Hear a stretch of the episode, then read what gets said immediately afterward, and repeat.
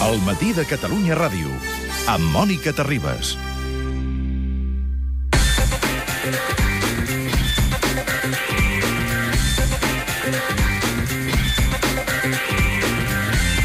Girona va estar sis dies sense alta velocitat per les pluges, segur que ho recordeu. I avui volem parlar amb el síndic de Greuges, com sabeu, ho fem periòdicament, però abans volem saber què farà el síndic en relació a la corrupció. Laia Claret, bon dia. Hola, bon dia. A veure, eh, el síndic, ahir vam conèixer que vostè inicia una actuació d'ofici sobre l'administració i les actuacions per les acusacions de frau fiscal o de delictes a la hisenda pública contra càrrecs que siguin representatius de les administracions i que provenen de presumptes filtracions de la UDEF. Vostè, a Rafael Ribó, ha fet arribar un seguit de qüestions al defensor del poble perquè actui si ho considera oportú. Quines són aquestes accions?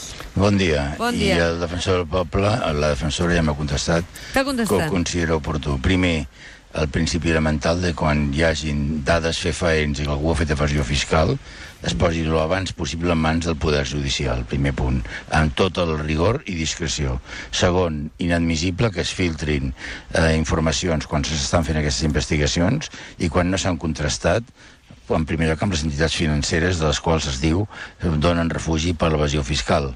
I tercer, si s'ha filtrat material que, a més, resulta que és fals, ha d'haver responsabilitats, tant pel que ho publica com per el mitjà eh, departamental, governamental, d'on ha sortit, en el cas del Ministeri de l'Interior. Mm. La UDEF, que ha de fer un treball seriós i rigorós i que és necessari aquest treball, si ha deixat filtrar informació que a sobre és falsa, independentment de que es faci amb el mitjà de comunicació que ho ha publicat, ha d'assumir la responsabilitat i el seu màxim responsable, que és el ministre, ha de ser coherent amb això. Va passar amb en Mas en campanya Sí. electoral, mm. quan es va dir una setmana abans d'anar a votar, violentant el dret més sagrat de la democràcia, que és el dret de vot, que tenia comptes a l'estranger amb diner brut. I ara ha passat amb l'alcalde de Barcelona. Ja n'hi ha prou de que s'utilitzin aquest tipus d'instruments.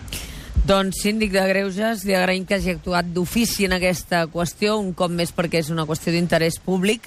Ocupem-nos ara d'una altra qüestió, perquè vam quedar amb el síndic de Greuges, Rafael Ribó, i amb Carles Puigdemont, alcalde de Girona, per ocupar-nos un moment i posar-nos al dia com estan les coses.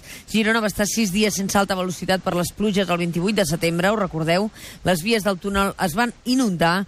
Des del Ministeri de Foment argumentaven que van ser pluges poc habituals, que s'hi va colar aigua del clavegaram. Segur que recordeu aquelles declaracions i, per tant, avui és el dia de preguntar-li al síndic. Amb la inundació de les vies de l'alta velocitat de Girona hem pogut eh, saber, tenim informació, ara sí, que ens permeti dilucidar qui és el responsable. Eh, Jo l'he demanada al govern espanyol, mm. l'he demanada al govern català, els dos departaments afectats, perquè territorial i interior pel tema de la seguretat, l'he demanada a l'Ajuntament de Girona. En quina línia? Primer, en què la mobilitat sigui garantida, i per Sí. Girona és un gran què a l'alta velocitat, ha estat un canvi importantíssim.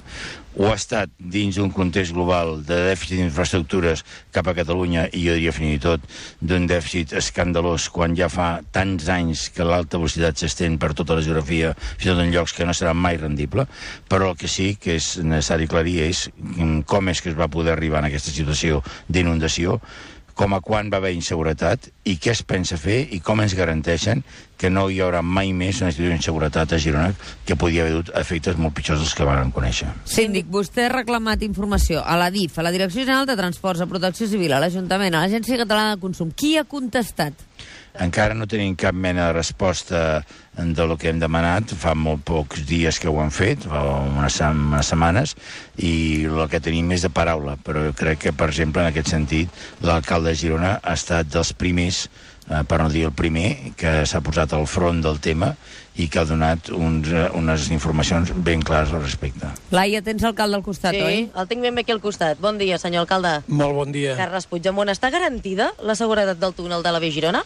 Uh, diguem que la seguretat ferroviària està garantida, però també hem de dir que el túnel encara no té un pla d'autoprotecció homologat, que hi estan treballant, jo crec que hi treballen en la bona direcció, però en aquests moments, a data d'avui, i eh, és una informació que acabo de, de verificar just abans de venir aquí, el pla d'autoprotecció encara no està homologat per la Generalitat. El dia 16 d'octubre eh, vosaltres eh, us vau reunir l'Ajuntament amb Foment I, de fet, veu tornar força contents perquè hi va haver compromisos concrets no?, que es van acordar a l'entorn de l'estació i al marc d'acabar les obres. Quines serien aquestes? Vam veure, vam veure que hi havia un canvi de xip eh, radical amb el nou secretari d'Estat, que és el que ens va atendre, compromisos concrets per l'acabament de les obres que estaven pendents i estan pendents a la llosa, compromisos concrets pel que fa a tapar el forat per on es va introduir l'aigua mm. ara fa unes setmanes, compromisos concrets pel que fa a concrecions a curt termini per completar el pla d'autoprotecció i algunes coses de detalls que ens havíem encallat durant molt de temps i que sembla que estan bastant eh, desencallades. I si parlem del clavegaram, des de la DIF van negar que hi hagués negligències en la construcció, van dir que la pluja que va caure aquell 28 de setembre va ser poc usual, que hi havia molta aigua, i també que hi van anar parar restes del clavegaram en aquestes inundacions. Uh, això evidenciaria que hi ha deficiències a la xarxa o no? Um, la DIF no pot sostenir això de manera documental. Sí que, en canvi, i ho farem arribar avui mateix al síndic l'informe dels tècnics de l'Ajuntament, eh, aclareixen que en cap cas es va produir cap d'aquests supòsits que, de fet, Adif tampoc no manté de forma oficial ara ja. Jo crec que Adif, en el primer moment, per sortir de la situació, va, va intentar eh, treure's una mica el mort de sobre. La veritat, les evidències, les certificacions dels tècnics, enginyers, diuen que clarament es va produir per l'esfondrament d'un mur sí.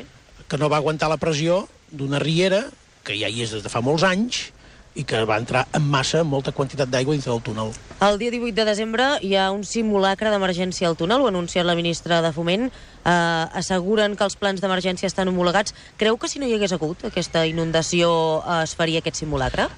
Els plans d'autoprotecció no estan homologats, però tampoc no s'ha produït dintre del túnel un simulacre real efectiu del, amb els cossos d'emergències que hi haurien d'operar en cas d'un incendi o en cas d'una catàstrofe. Per tant, aquest simulacre és molt benvingut, és molt necessari. Estem parlant d'un túnel urbà molt llarg, pel qual circulen mercaderies a vegades perilloses, pel qual circulen trens internacionals, i per tant eh, no estava de més, i ho agraeixo, que es faci finalment un simulacre real amb els efectius, els bombers sobretot, que hi haurien d'intervenir en cas d'una catàstrofe que esperem que no s'hagi de produir mai. Des de Foment es demana a l'Agència Catalana de l'Aigua un canvi de la canalització del riu, del riu Güell, eh, que passa pel costat del túnel.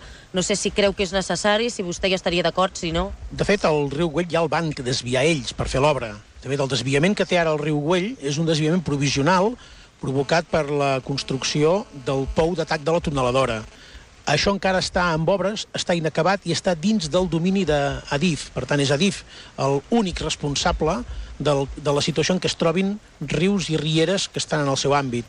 Un cop acabada tota aquella zona, eh, un cop tapat el que es havia de tapar, eh, és normal que es vulgui restituir la llera original del riu Güell. Jo crec mm. que aquí ens hi trobarem, si és que es tracta d'això, però a data d'avui allò que està afectat està dins del domini de les obres inacabades encara del tren d'alta velocitat. Uh, Laia, em deixes fer-li una pregunta al síndic oh, en un minut? Evidentment. Perquè l'última vegada que vas estar amb ell, Laia, vau parlar del Castor. Sí. Te'n recordes? Sí, de la sí, plataforma sí. Castor. I ell va dir que actuaria per tenir reunions al voltant del decret llei del govern espanyol que fixava la indemnització de 1.350 milions d'euros per la concessionària del Castor. Va dir que reuniria amb els sectors implicats. Sembla que ja han començat les trobades Telegràficament, síndic, com ha anat això? Doncs miri, el dijous presentem al Parlament l'informe sobre el tema Castor i el trametrem també a tots els altres eh, col·legues d'altres eh, zones, eh, defensors autonòmics i també el govern espanyol. El dijous ho presentem perquè els parlamentaris actuïn, perquè jo crec que hi ha mesures que s'han de prendre amb enorme urgència. I l'informe aquest que ara estàvem parlant pel que fa a, al, al, al cas del l'AUDEF, quan, quan pensen que el podran presentar? No, el deu estar demanat des d'ahir, per tant, sí. eh, intentem anar molt ràpids, però no demani que vagi tan ràpid que no depèn de nosaltres. Miri, aquí hi ha sempre un tema que continua sent una vergonya en tota la democràcia espanyola. Manca d'informació. Sí. Tant el tema UDEF com el tema Castor com el tema Adif de Girona. Eh, que, no, que el públic en general no tingui la informació transparent del que ha succeït és gravíssim. Estem parlant, a més, d'un tema de seguretat. Eh, ho ha explicat molt bé l'alcalde. Sí. Per tant, la informació encara és molt més necessària. Hom ha de poder anar a buscar el tren, que torna a dir un gran tren, el que pugui connectar-se a Barcelona en Girona, de forma que es pot connectar ara, però amb tota seguretat. I per últim, cal demanar responsabilitats, perquè quan passin ah. coses d'aquestes, quan hi ha inversions de tants milers de milions clar. d'euros, que són diners de tots nosaltres, ha d'haver responsabilitats. Síndic i alcalde, si els hi agrada el futbol, no es perdin l'entrevista que a les 10 li estem a punt de fer a Johan Cruyff. Que tingueu un bon dia. Gràcies, Laia. Adéu, bon dia. Adéu, bon dia.